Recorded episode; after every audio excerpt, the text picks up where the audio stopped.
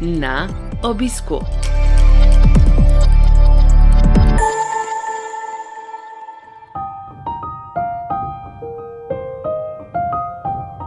Dobrodošli v novi epizodi serije podkastov na obisku, ki nastaja v produkciji Slovenskega združenja bolnikov z limfomom in leukemijo.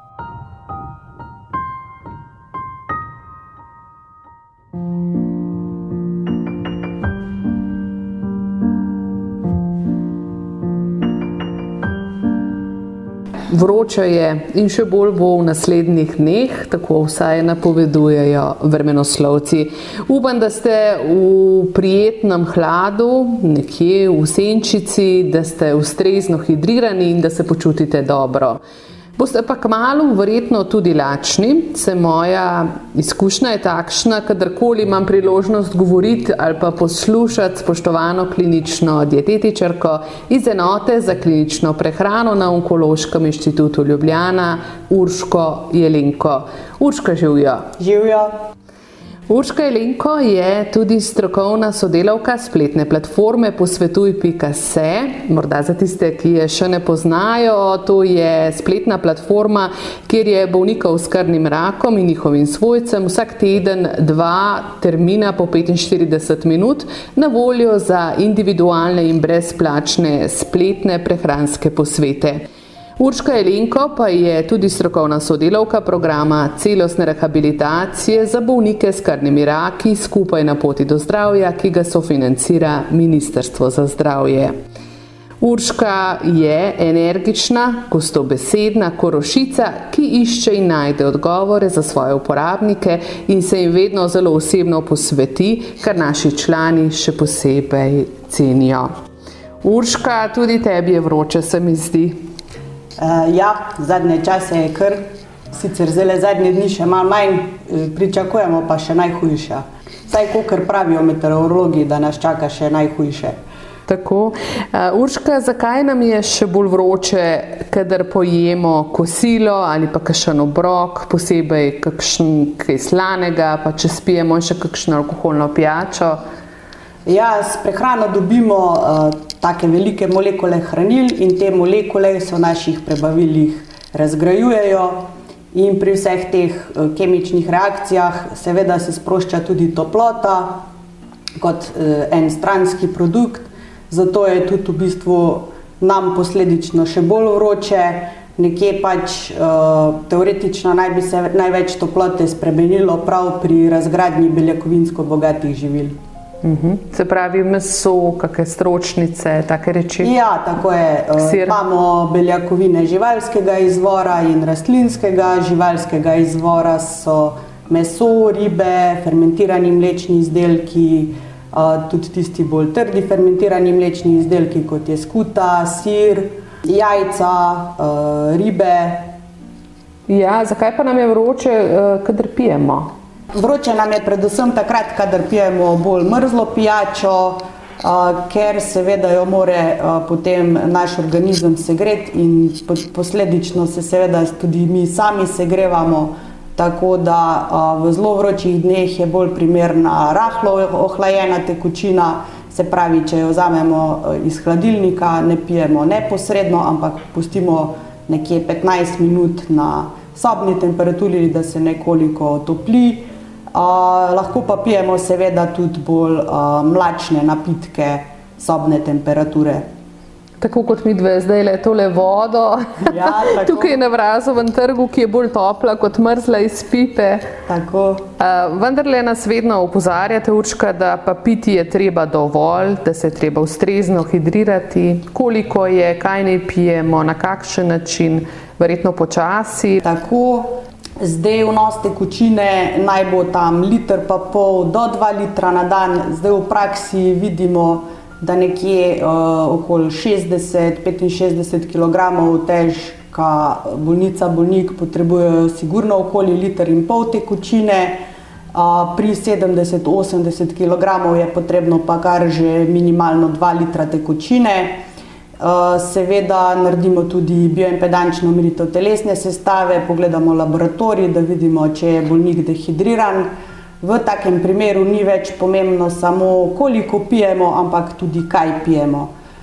Namreč, ko je enkrat že prisotna dehidracija, moramo v bistvu poleg tekočine v organizem vnašati tudi zadostne količine soli. Tako da um, pri zelo hudih dehidracijah, bodi si, ki so posledica bodi si drisk ali um, kakšnih drugih prehranjevalnih težav, naprimer težav s požiranjem, in je bolnik zelo dehidriran, takrat uh, tudi predpišemo na recept pitje oralne rehidracijske soli, ki vsebuje naprimer dovolj natrija, pa tudi drugih elektrolitov. Eh, Kaj ti te soli in elektroliti so ravno uh, tista uh, vlečna sila, ki izboljšajo absorpcijo vode v črevesju, potegnejo vodo čez črevo v kri, pa tudi na to vodo potegnejo v celice, tako da na tak način se pride več tekočine v tkiva, v organe in s tem se tudi potem uspešno rehidriramo. Zdaj, kaj to pomeni v praksi? Kadar zaužijemo nek slan obrok ali pa morda malce bolj slano živilo, je primerno, da potem pijemo vodo. Če pa recimo smo telesno aktivni, pa se zelo potimo, pa nimamo ravno časa za obrok navadne hrane, takrat je pa pomembno, da uživamo morda slano tekočino, še bolje pa kakšne izotonične napitke, ki jih pijejo recimo tudi športniki in na ta način predvsem mm, zadostimo dnevnim potrebam po natriju, tudi po drugih elektrolitih, kajti pri hudi dehidraciji se hitro lahko pojavijo tudi še kakšni drugi simptomi, poleg suhih ust, tudi kakšni krči, omotica in uh, vodijo v resne zdravstvene zaplete. Uh mhm. -huh. Eh, kaj bi rekli, kako se prehranjevati v teh dneh, če smo zdaj povedali tudi del ne, obravnave prehranske, ki jo eh, opravljate v enoti za klinično prehrano na Onkološkem inštitutu, eh, take morda tudi bolj poljudne na svete priporočila, da ne bi jedli preslano, premasno, pretežko, da potem telo obremenjujemo, ne, ko to presnavlja to hrano in nam je še bolj vroče, pa smo utrujeni, pa se poti recimo, kaj bi rekli, so, solate, da nimo, so zdaj zagotovo in kaj še. Ja, zdaj uh, problem je, da je ta vročina, se poslabša apetit, uh, sploh nismo lačni. Ponavadi v praksi vidim, da večjo količino hrane, oziroma um, rečemo dva obroka, zaužijajo ljudje šele v poznem, popoldanskem ali pa tudi v večernem času ampak takrat smo pravzaprav že vse zamudili, ne takrat so že naše zaloge, predvsem glikogena, že izpraznjene. Tako da um, prehrano je v tem toplem vremenu potrebno prilagoditi.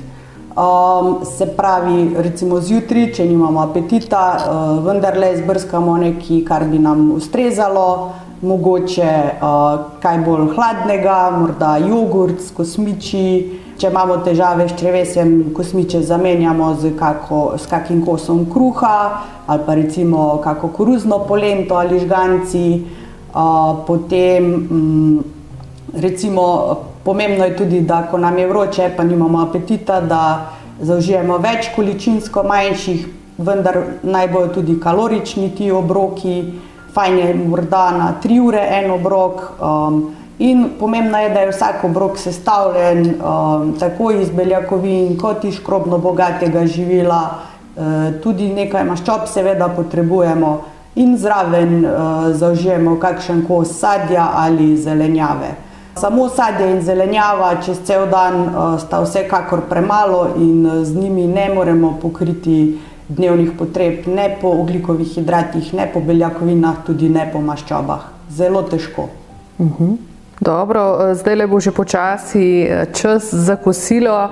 Zdaj pravite, apetit je manjši, a ne v vročih dneh. Kaj bi rekli danes za eno lahko kosilo, da bomo še lahko malo delali? Aha, ja, um, za eno tako lahko kosilo jaz svetujem kak file ribe, popečen, zraven kuhan krompir v kosih, uh, skodelica solate, malo kuhane špinače. Uh, je pa zdaj tudi, ker je vroče, težko tudi vsak dan kaj kuhati, ne pa nam je pa še bolj vroče. Tako da veliko krat predlagam, uh, da morda uh, si skuhajo bolniki kako obaro, ki ima noter krompir, korenček, kakšno zeleno, kako drugo vrsto zelenjave, stroči fižol je zdaj le ena taka dobra lokalna sezonska zelenjava. Seveda lahko dodamo tudi kako kos piščanca, bodi si kakšno bedro, piščančja prsa. In v bistvu je to še skupaj z tekočino, za me en tak idealen obrok. Poleg tega recimo eno tako obaro lahko skuhamo za dva dni, jo pustimo čez noč na hladnem in jo drug dan samo pogrejemo. Uh, in je v bistvu tako zelo dobro sestavljen, kaloričen in še beljakovinsko bogat obrok. Uh -huh. Se pravi, na žlico malo. Ja, na žlico, uh, seveda, ali pa če pripravimo preprosta živila, čim manj predelana, se pravi, popečemo kakšen kos mesa na hitro. Uh, zraven, recimo, tudi lahko kuskus z zelenjavo, ki se tudi zelo hitro pripravi, da nam ni prevroče. Uh, če je kak dan dež, ne vihte, izkoristimo si, pripravimo morda tudi kako lazanjo, kakšne skutne štrukle, cmoke, jih imamo v uh, zmrzovalni skrinji, pa potem samo uh, si na hitro pokuhamo in je to super obrok. Sveda tudi ko si skuhamo, pa je tisto še vse vroče, lahko malo še počakamo, da se še mičkeno hladi, pa potem pojemo. Uh, vsekakor ponavljam, da je res fajn, da zaužijemo več uh, količinsko manjših obrokov dnevno, um, recimo ne tri količinsko zelo velike, uh, ker s tem še bolj obremenimo prebavila, smo lahko zaradi tega še bolj utrujeni, tako da probujemo čim bolj hranila prerasporediti čez cel dan. Vse, kar učka pripoveduješ, nam svetuješ, nas izobražuješ prehransko, velja pravzaprav za sleharnika, za onkološkega bolnika pa prav gotovo še toliko bolj. Ja, tako je. Um, namreč tako priporočila, kot tudi spoznanja v praksi kažejo, da so predvsem potrebe po beljakovinah dvakrat večje kot pri zdravem posamezniku. Tako da moramo biti res previdni, da pri vseh obrokih vključujemo ta beljakovinsko bogata živila. Seveda je v praksi to zelo težko, zato tudi potem prepišemo na recept oralne, beljakovinsko bogate oralne prehranske dodatke in z njimi si v bistvu lahko zelo pomagamo, da pokrijemo te dnevne beljakovinske potrebe.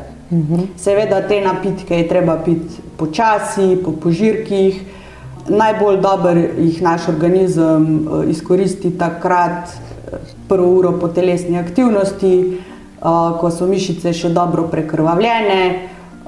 In takrat se tudi potem te beljakovine in pa enostavni ugljikovi hidrati iz teh napitkov najbolje pridejo po krvi do tistih končnih celic, mišičnih vlaken, torej, ki takrat ta hranila nujno potrebujejo, da se v bistvu zregenerirajo, da se lahko normalno potekajo obnova mišičnih vlaken.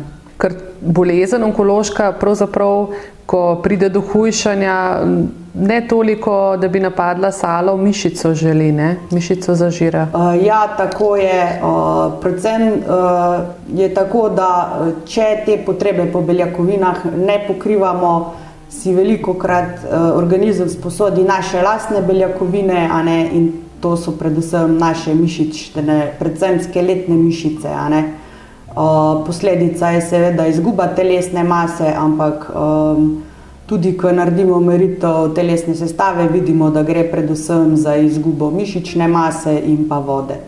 Zdaj, ko ima človek eh, v mislih eh, raka, ne, bi storil sam vse za podporo imunskega sistema, pa bi dovajal neke prehranske dodatke, vse, kar, kar to je popolnoma legitimno, uh mhm. -huh. pa hkrati verjetno je veliko stvari, ki so v prvi vrsti zelo komercialne, morda nedokazano učinkovite. Kako ti kot strokovnjakinja, kako ti grejo lasje po konci, ko spremljaš reklame za to in ono, pa veš, ne samo, da ne koristi, da lahko celo škodi bolniku z rakom. Ja, to se dogaja kar prevečkrat. Um, res je, uh, ta management prehranskih dodatkov je res zelo uh, močen in ima velik vpliv. Naj pa povdarim, da vsekakor uživanje prehranskih dopolnil ni potrebno in da v praksi vedno upoštevamo, kadar se pojavijo neki simptomi, ki lahko to pomankanje določenih bodi si vitaminov, mineralov, elektrolitov, že pričakujemo, da se to lahko pojavi. Seveda je tle potrebno imeti kar uh, dobro znanje iz presnove. V tem primeru seveda najprej preverimo, koliko bolnik takšnih hranil prejme z navadno prehrano, preverimo, kakšni simptomi se pojavljajo in potem tudi preverimo laboratorijske nivoje teh posameznih komponent in na to šele ko vidimo, da je nečesa v resnici premalo, um, predpišemo bolniku uh, takšen dodatek na recept. Uh, problem je tudi, ker uh, dopolnila, ki so dostopna v razno raznih trgovinah na spletu, uh, pri teh dopolnilih je zelo vprašljivo, kakšna je dejanska absorpcija teh hranil čez črevo v kri. Uh, največkrat se v bistvu sploh te komponente ne absorbirajo in se v bistvu kvečemu izločijo z blatom. Če pa se že absorbirajo, um, je ta problem, da nimamo narejenih raziskav, uh, kaj se z njimi dogaja, ko je nečesa lahko v uh, neki celici preveč. Uh mhm. -huh. Tako da recimo uh, zelo popularno je uživanje C vitamina. Um, vemo pa, da uh, je tega C vitamina lahko veliko preveč, namreč že z navadno prehrano, dnevnim potrebam po C vitaminu, zelo hitro zadostimo. In kadar tle zraven jemljemo potem še dopolnila, um, lahko pride do nastanka kakšnih ledvičnih kamnov. Uh, tako da svetujem res uh, previdnost pri uživanju prehranskih dopolnil, predvsem pa priporočam vsem bolnikom, naj se preden začnejo karkoli jemati, posvetujejo z zdravnikom, bodi si s kliničnim dietetikom, eh, ali je to res potrebno. Uh mhm. -huh. Urška, sem si jaz potem na robe zapomnila, da v resnici C vitamin je eden od vitaminov, ki ga ne, ne bi uh, sploh mogli pravzaprav užiti prevečkrat, da se izloča z urinom. To ni dovolj, vseeno se ustavlja v ledvicah ali kako? Ja, tako je. Tudi naše ledvice imajo uh, določeno kapaciteto, oziroma če se izrazim tako, zmogljivost, koliko tega C vitamina uh, lahko prefiltrirajo, uh -huh. če mhm. se uh, po domače izrazim. Um, In kadar ga je preveč, enostavno ta proces ne steče, in prav zato, zaradi tega lahko pride do nastanka ledvičnih kamnov. Urška, omenila si, kaj vse počnete in na kakšne načine vse pomagate bolnikom v enoti za klinično prehrano na Onkološkem inštitutu pa da lahko pomagate s temi mm, prehranskimi dopolnili, pa pripravki tudi na recept. Zdaj pa ljudje velikrat povedo, da morajo te reči kupovati tudi sami, pa da so kar drage. Zato me zelo zanima, kakšna je pot slehrnega bolnika z rakom, ki bi si želel, da nimo posveta, svetovanja, presejanja v vaši enoti. Je to za vse, morajo izpolnjevati kakšne pogoje, kako to gre v bistvu gre za prehranski pregled, kjer napravimo meritev telesne sestave, analizo zaužite hrane, povprašamo bolnika, kakšne ima prehranjevalne težave, katere bolezni ima, kako se je zdravil v preteklosti. Pogledamo tudi laboratorij in potem na podlagi vseh teh podatkov dobimo neko sliko, na podlagi katere lahko potem um, pripravimo prehranski načrt. Eh, do nas uh, lahko pridejo uh, onkološki bolniki z napotnico svojega lečečega onkologa, seveda lahko pridejo tudi neonkološki bolniki, ki imajo naprimer druge, kakšne druge kronične bolezni. V tem primeru mora napotnico izdati osebni zdravnik, potrebno pa se je naročiti po telefonu v času naročanja. Čakalna doba je največ tam tri tedne. Pomembno pa je, da vedno pred pregledom pišejo prehranski dnevnik, eh, zabeležijo malo, kaj so pojedli, koliko približno česa so pojedli, lahko napišejo tudi, naprimer, koliko žlic. se pravi neke okvirne količine posameznega zaužitega živila. Te količine potem unesemo v določen računalniški program, ki nam potem da podatek o količini posameznih zaužitih hranil. Ti si tudi strokovna sodelavka, kot sem rekla, eh, programa celostne rehabilitacije za bolnike s krvnimi raki skupaj na poti do zdravja. Tam eh, pravzaprav za vsakega udeleženca upraviš prehransko presejanje, pa seveda so potem tudi skupinske delavnice oziroma posvetovalnice. Kaj je mogoče s tem prehranskim presejanjem ugotoviti? Kateri so tisti pogoji, ki za posameznika, na podlagi katerih za posameznika ugotovite, da je prehransko ogrožen? Ogrožen. Kaj to pomeni? Prehransko ogrožen pomeni, da lahko v prihodnosti pričakujemo neke težave, oziroma da eh, lahko pride do razvoja prehranskih bolezenskih stanj. Gre za kratek vprašalnik, sestavljen iz dveh korakov, kjer nas zanima, ali bolnik že hujša, ali je manj, ali ima že prisoten nizek indeks telesne mase. Eh, in na podlagi tega vprašalnika ocenimo, ali je bolnik prehransko ogrožen. Vemo, da prehransko ogroženi bolniki, ki potrebujejo neko zdravljenje eh, oziroma eh, bodo potrebovali neko zdravljenje, pri takih bolnikih lahko pričakujemo kakšne zaplete med zdravljenjem, veliko krat pride tudi do razvoja podhranjenosti, kar lahko vpliva tudi na slabši izid zdravljenja. Tako da z prehranskim presejanjem skušamo preprečiti razvoj podhranjenosti eh, ali pa želimo preprečiti nadaljni razvoj podhranjenosti, če je ta že prisotna. Prej sem te želela vprašati, kako je s temi prehranskimi dodatki za bolnike, ki jih nujno potrebujejo, te beljakovinski napitki in tako naprej.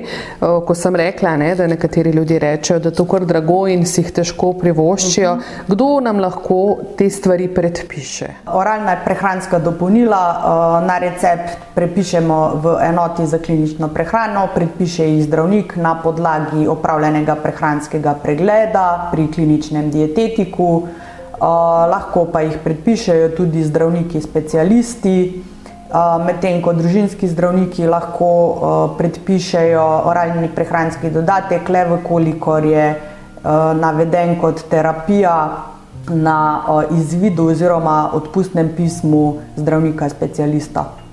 Je smiselno potem recimo zdravnika specialista tudi spomniti, da bi to človek recimo potreboval, da bi želel na recept, da si težko privošči. Je smiselno o tem spregovoriti? Ja, vsekakor, vsekakor. Um, ti oralni prehranska dopolnila, um, kot sem že um, rekla, um, res pomagajo, kar tudi v praksi vidimo, uh, predvsem pokriti te povečane potrebe po beljakovinah pri bolnikih. V Združenju bolnikov z limfomom in leukemijo smo skoraj da pred enim letom ne, pripravili spletno platformo posvetuj.se, kjer si ti tudi strokovna sodelavka za področje prehranskega svetovanja in imajo uporabniki možnost brezplačnih posvetov dvakrat na teden ne, s tabo in zanima me, s kakšnimi vprašanji se najbolj pogosto obrnejo k tebi v bistvu sem eh, počaščena, da sem bila k, povabljena k temu sodelovanju. Uh, najpogosteje v bistvu se obrnejo z vprašanji, kako neka prehranska priporočila iz teorije prenesti v prakso. Uh, kaj to pomeni, katero živilo si pripraviti, kako doskrat tudi gre zraven za prehransko strategijo, kako jesti, kdaj, kaj. Um, potem uh, katera živila. Ne, um, pri določenih težavah, recimo, kot so naprimer napenjanje krči v trebuhu, pri uh, slabšem delovanju prebavil. Uh, recimo v takih primerih odsvetujemo veliko količino vlakninsko bogatih živil, je treba biti previden in zdaj doskrat je treba bolniku pojasniti, kaj to pomeni v praksi, katera so ta živila oziroma kako jih pripraviti um, da bodo povzročala čim manj težav. Pa, treba si verjetno tudi prisluhniti, bolnik sam pa vidi, ne, ja, se. To je pomembno, da se tudi bolnik sam spremlja, da si mal piše, morda kaj je zaužil, uh, zraven napiše, kdaj je imel težave. In potem tudi, ko pride bolnik k nam na pregled in prinese to zabeleženo, lahko zelo hitro prepoznamo, katera so tista živila, ki povzročajo težave. Posvetuj.se so, se pravi, so brezplačni posveti tako s kliničnimi psihologinjami kot a, s tabo, s klinično dietetičarko, so pa za bolnike s krvnimi raki, pa tudi za njihove svojce. In prav v tem primeru, recimo prehranskega posvetovanja, me zanima, kakšna je tukaj vloga svojcev, a ne, vemo v tradicionalnih družinah, posebej pri starejših še vedno v, v večjem delu verjetno kuhajo ženske. Zdaj pogovor z bolnikom je verjetno manj vreden, ne, če ne pridejo informacije potem do kuharice. Govorim o starejših zakoncih, tradicionalnih družinah v tem smislu. Ja, tako je. Um, mi vedno skušamo vključiti um, pri prehranskem pregledu tudi svojce. Um, veliko krat pridejo zraven, zraven gospodov žene, moram pa reči, da tudi moški dan že kar veliko kuhajo. Ja, veliko krat recimo uh, se pojavljajo uh, določene informacije v različnih medijih, predvsem na spletu, ki so seveda v nasprotju z uradnimi strokovnimi priporočili tako da potem mi bolnika seznanimo z strokovnimi priporočili, svojci jih seveda ne poznajo in potem lahko pride tudi do kakšnih prepirov in nesoglasi. Tako da vedno. Um, Uška teh je že tako dovolj. tako je, tako da vedno zraven povabimo tudi svojce, kolikor je le možno. Uh mhm. -huh. In eh, kako se odzivajo potem na te nasvete, dobite potem tudi kakšne povratne informacije? Seveda, vedno potem naročimo tudi bolnika na kontrolni pregled, kajti uh, potrebno je preveriti prehranski načrt, ki smo ga pri bolniku zastavili, um, ali uh, smo uspešni, ali je manj težav, ali se je izguba telesne mase oziroma hujšanje ustavilo. Uh, tako da, um, ja, veliko krat so zadovoljni in veliko krat so presenečeni, uh, ker so imeli o ustreznem uživanju živil popolnoma drugačno predstavo. Kako pa Urška ocenjuješ recimo ta razvoj klinične dietetike pri nas v primerjavi z razvitejšim svetom, kjer je teh možnosti za bolnike, vemo, pri nas vsak vendarle ne pride do uh, kliničnega dietetika, uh, recimo nekje v tujini pa morda ja ali ne?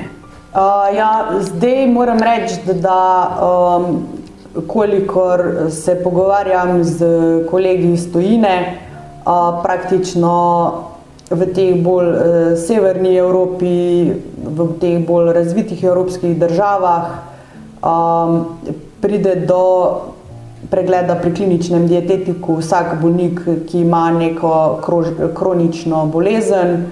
Uh, no, pri nas, nažalost, še nismo na tej stopnji. Jaz upam, da, da bomo, da se bo tle uh, kaj premaknilo v pozitivno smer.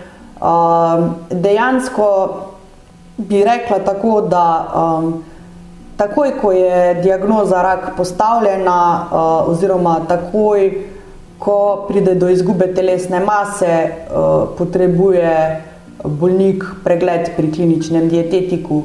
Sploh pri onkoloških bolnikih se veliko krat poudarja, da je um, obravnava oziroma pregled potreben takoj. Uh mhm. -huh. Čim prej? Da... Čim prej, tako še preden se prične zdravljenje, namreč veliko krat je tist tihi, skriti simptom uh, pri raku um, nepojasnena izguba telesne mase, kjer veliko krat gre že za izgubo predvsem uh, mišične skeletne mase.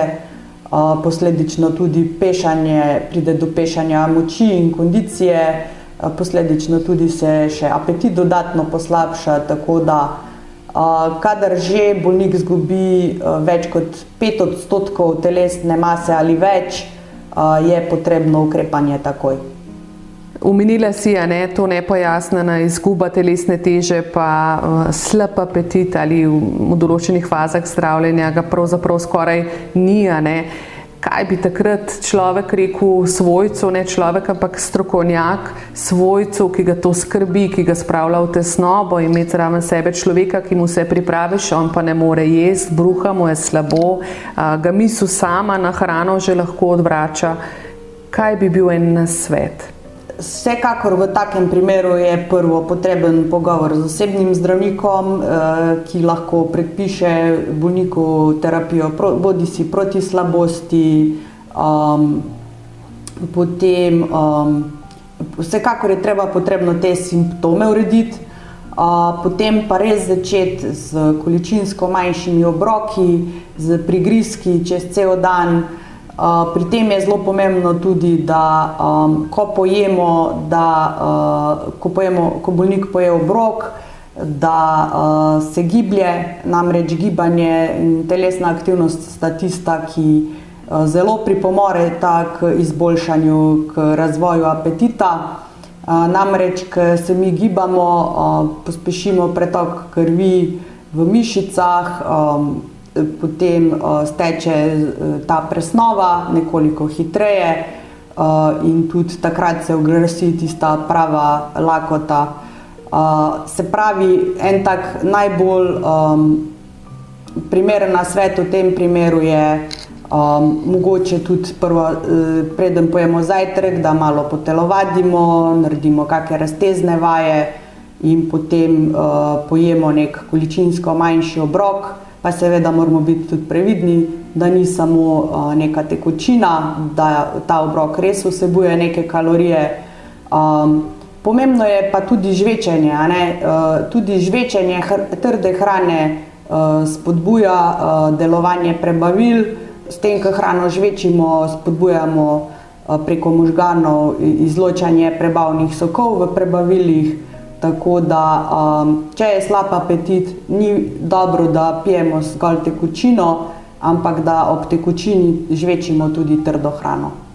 Če treba tudi po žličkah, pa tisto, kar ima človek sicer najrajši, da vsaj nekaj pa dobi. Tako, tudi svojcem bi priporočila um, čim bolj pozitivno spodbudo, predvsem recimo, uh, da grejo z svojim uh, svojcem morda na sprehod, da skupaj potelovadijo, uh, potem da se usedejo skupaj za mizo, uh, potem mogoče kak pogovor, včasih tudi pomaga, uh, da se med tem, ko jemo, uh, kaj uh, pogledamo, pogovorimo ali pa morda da. Včasih tudi rečem, če kdo ima slab apetit, mogoče naj zraven križem, ker rešuje, da malo si misli zamoti, uh, mogoče, če se le da malo uh, tako uh, robotsko uh, prehranjevanje. Uh, vsekakor pa to še naj povdarim, da obrok ne sme biti prevelik, ker že včasih samo pogled uh, na krožnik, ki je poln hrane, lahko uh, pri bolniku povzroča odpor simpatični pravzaprav na sveti in uporabni, torej preusperi misli in je pravzaprav zelo avtomatizirano, žličko po žličko, da nekaj Tako. pride. Ne? Ampak mislim pa tudi, da v bistvu, pride enkrat bolnik na pogovor, ki mu razložimo, zakaj potrebuje hranila, kaj se v organizmu dogaja, že to spoznanje veliko krat pripomore k razvoju apetita. Uh mhm. -huh. Rekla si, usedite se skupaj za mizo, se pogledajte, se pogovorite, pa potem je seveda vse prijetneje in tudi lažje, če so s tem težave. Prehranjevanje je sploh en tak ritual. Ne? Po eni strani zapolnjujemo čisto fiziološke potrebe, po drugi strani pa tudi psihološko nas pravzaprav polni, veseli, združuje. Ja, tako je, se strinjam. Um, Predvsem je pomembno, da ko se prehranjujemo, eh, da skušamo tudi v prehrani eh, uživati, eh, da si pripravimo mogoče kakšno jed, ki nas spomni na otroštvo, na naše babice, o tem, kaj predebatiramo, kako je bilo včasih. Pa seveda je pomembno, da dobro prežvečimo hrano, počasi jemo, pričaramo si čim boljše vzdušje pa zdaj ki je bolj toplo vreme, je tudi fajn, da si izberemo, če se le da nek bolj hladen prostor, ali pa vsaj, ko skuhamo obrok, da ga mal prezračimo, uh, da ne jemo v nekem vročem prostoru. Tako. Urška, eh, vedno, ko pomislim na te, no, se spomnim, vedno, da rečeš, zjutraj se je treba fajn najest. Zakaj je prav zjutraj in kaj je bil tvoj današnji zajtrk? Ja, jaz pravim, da je zajtrk najpomembnejši obrok dneva. Zakaj? Zato, ker vsak hranila, ki jih bomo zaužili zajtrk, za zajtrk in bomo potem čez dan aktivni, bomo delali. Um, bomo tudi uh, pametno izkoristili, oziroma naše telo jih bo pametno izkoristilo. Tako da jaz pravim, da za zajtrk si lahko privoščimo vse. Strinjam se s pregovorom, zjutraj je kot kralj, opoldne kot navaden meščan in zvečer kot berač. Uh, tako da um, zajtrk je za me res najpomembnejši uh, obrok dneva. Uh, moram reči, da tudi sodelavci, če sem nekaj sitna, rečejo: pet, pa pojej neki, a ne, že točno vejo, uh, da si morda kak zajtrk preskočila. Ja, sama vsekakor zjutraj redno zajtrkujem. Uh, na, največkrat tudi zato, ker potem, ko delamo, pa je gneča, pa gužva. Eh, če zajtrk preskočimo, smo velikokrat zelo lačni, posledično še težje prenašamo stres. Uh, tako da sama največkrat za zajtrk pojem nekaj, kar me nasiti, pa je kalorično, pa seveda mora biti tudi dobro.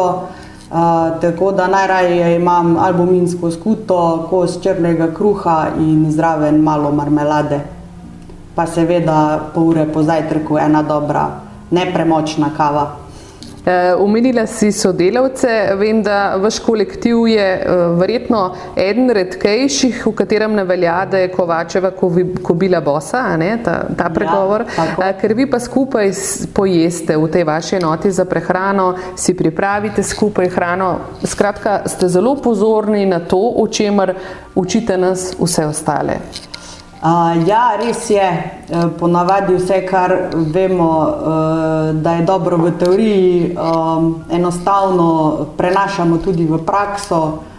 Vkolikor lahko, pa vkolikor nam zdaj ti COVID-ni ukrepi dovoljujejo, se le občasno pa usedemo skupaj in skušamo pojesti vsaj malico. Dobro je tudi to, ker um, si vsak prenese kaj svojega in potem še dobimo ideje drug od drugega, kaj bi si skuhali, kaj bi si pripravili. Uh, vsekakor pa, kolikor vem, uh, redno zajtrkujejo uh, čisto vsi sodelavci. Uh mhm. -huh. Zdaj sem se spomnila še uh, na našo spoštovano profesorico Ireno Preložnik Zupan. Ona pravi, da že več kot deset let si vedno malico pripravi doma, si jo prinese v službo, pravi, da za to ne rabi nobenega posebnega časa, da to je en, dva, tri in da vse, kar si prinese s seboj in si pripravi doma, je boljše kot nekaj, kar bi jedla v menzi, si kupila v avtomatu s prehrano hrano, da je zelo pomembno, no, da si te reči prištimamo že doma, tudi za službo. Ja, tako je. V bistvu tega se moramo sam navaditi. Ko smo enkrat navajeni, si z lahkoto že pripravimo obrok večer prej ali pa zjutraj, preden gremo v službo. Um, v bistvu ni treba nič komplicirati, uh, kako skruha, uh, rezine sira, ko sadja um, oziroma pač uh, pomislimo, kaj bi nam ustrezalo, kaj se nam ti zdaj lušta. Urška, čas dopustov je, praviš, treba je športati, vem, da ti zelo rada s oprogom, tudi sta uh, veliko dejavna, aktivna, posebej na dopustu, da rada veslata, kam gresta letos in uh, katere kulinarične dobrote si boste privoščila na dopustu. Ja, zagotovo se bomo odpravila na morje. Morda letos veslanje ne bo tako prišlo v poštev, sigurno pa e, plavanje, pa tudi tek. Dokler ne gremo na morje, pa kakšna hoja v hribe. Največkrat, ko sem na dopustu, skušam uživati bolj lokalno jedi, poskušam kako novo lokalno jed. Eh, ali pa kakšna živila, bodi si kako posebno sadje, zelenjavo, eh, kakšne posebne sire. Eh, no, če smo na morju, pa si veliko krat na Silbi, kamor se vsako leto odpravimo, kuhava tudi sama. Predvsem si rada spečeva ribe, oziroma čim več morske hrane pripravimo, in pa seveda zraven obvezno različne solate. Ja, solate je zdaj veliko, veliko je zdaj pravzaprav zelenjave z vrta, na srečo je kar veliko vrtov, smo kar vrtičkari, to bo še toliko bolj pomembno, tudi v prihodnjih mesecih pravijo kar velika draginja, da bo. Pa po drugi strani spet slišimo, da zdrava živila so pa predraga, da so težko dostopna. Eh, pa na tretji strani v strokovnjake, ki nam poveste, da kar je zdravo, sploh ni nujno drago, da so kakšna živila lahko zelo dostopna, pa so bolj zdrava kot eh, nekaj, kar nam kot zdravje prodajajo. Ja, tako je. Um, naprimer, če pogledamo um, predelane mesne izdelke, imajo uh, precej visoko ceno, razne salame, klobase, um, paštete.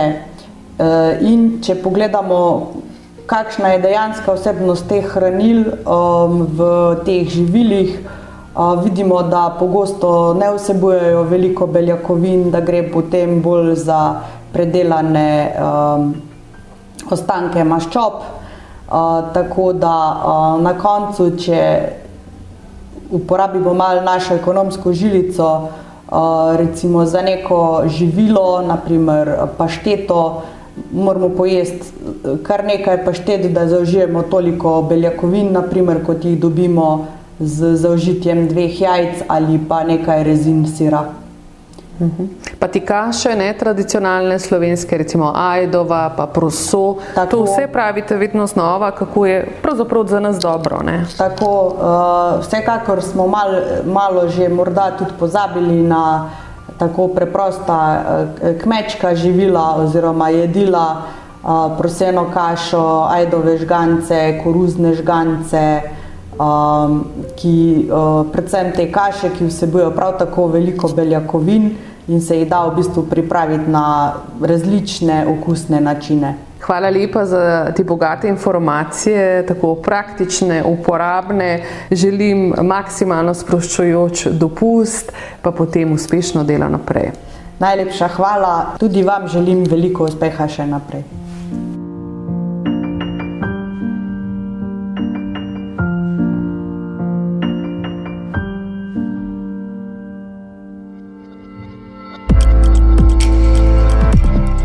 V našo družbo vabljeni spet čez 14 dni.